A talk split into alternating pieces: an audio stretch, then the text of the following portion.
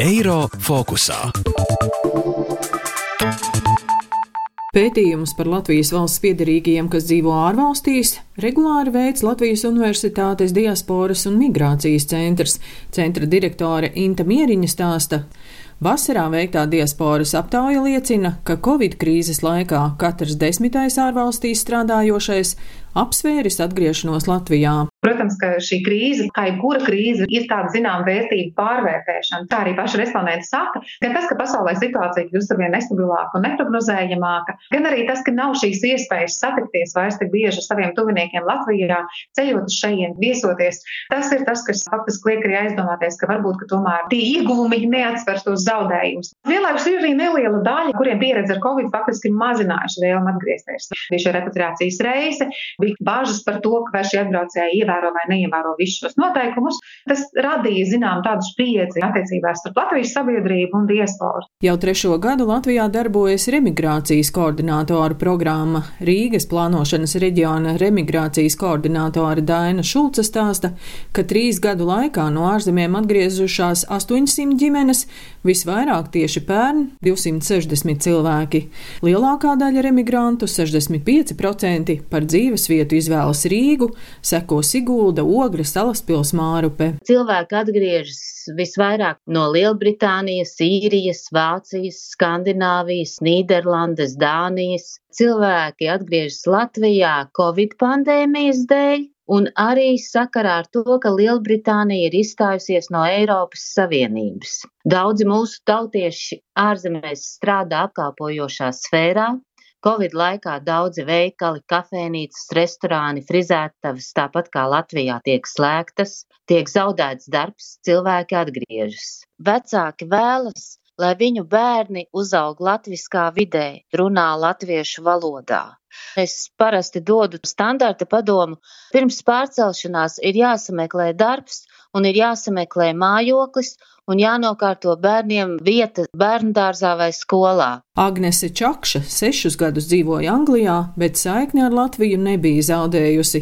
Bieži brauca ciemos. Par lielāko izaicinājumu viņa sauc darba atrašanu Latvijā, jo Anglijā to izdarīt bija krietni vienkāršāk. Pirms atgriešanās viņa konsultējusies ar Latgāles plānošanas reģiona koordinātori un mājokli Līvānu novadā sameklēja dzīvodama Anglijā.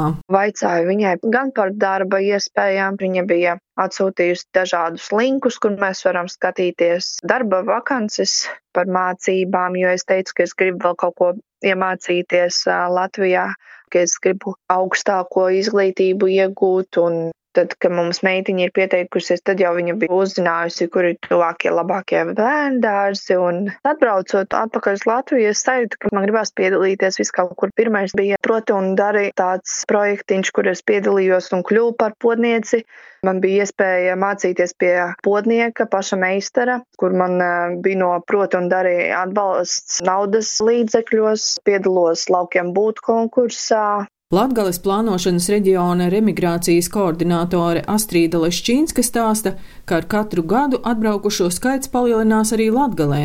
Pirms trim gadiem Latvijā atgriezās 38, pirms diviem 64, bet pērn jau 100 ģimenes. Bet remigranti esot ļoti dažādi. Protams, ir tādi, kas Skype vai WhatsAppā jau viņam notiek intervijas darba. Tomēr daļai joprojām ir grūtības iekļauties mūsu darba tirgū, jo viņu vai nu zināšanas vai izglītība īsti nesakrīt ar, ar tām vajadzībām, kas pie mums ir Latvijā. Ir grūti samierināties ar um, zemāku algu nekā tā bija, piemēram, ārzemēs. Izaicinājums liels ir ģimenēm ar bērniem, kad bērniņi latviešu valodu nezin. Un, ja tas ir mazs bērniņš, tad viņam ir vieglāk. Ar vienaudžiem tas ātri tiek apgūts, un tur problēmu īsti nav. Bet, ja tas ir pusaudzis, tad gan viņam ir grūtāk ar tām mācībām. Mēs, protams, Latvijas reģionā sadarbojamies gan ar visām pašvaldībām, gan arī ar visām valsts institūcijām, lai meklētu visus risinājumus, iespējas un sniedzam konsultācijas, protams, arī uzņēmē darbības jomā. Un ir, protams, arī tāds procents, kuri redz tikai slikto, un tas ir atkarīgs no cilvēka, gan rakstura, gan dzīves pieredzes. Protams, arī ar bankām, kad ir problēmas ar kaut kādiem ātriem kredītiem. Tas viss vēl kas līdzi, un nav tā, ka katrs atbrauc un tagad tās problēmas, piemēram, ir pazudušas. Remigrācijas koordinātores vērtē, ka galvenais ir uzturēt saikni ar aizbraucējiem un jādomā, kā Latvijai piesaistīt tos, kas mācās ārzemēs. Remigrantiem ir nepieciešams arī psiholoģiskais atbalsts, jo daudziem bērniem problēmas sagādā iekļaušanās Latvijas izglītības sistēmā. Daina Zalamane, Latvijas radio. Eiro fokusā.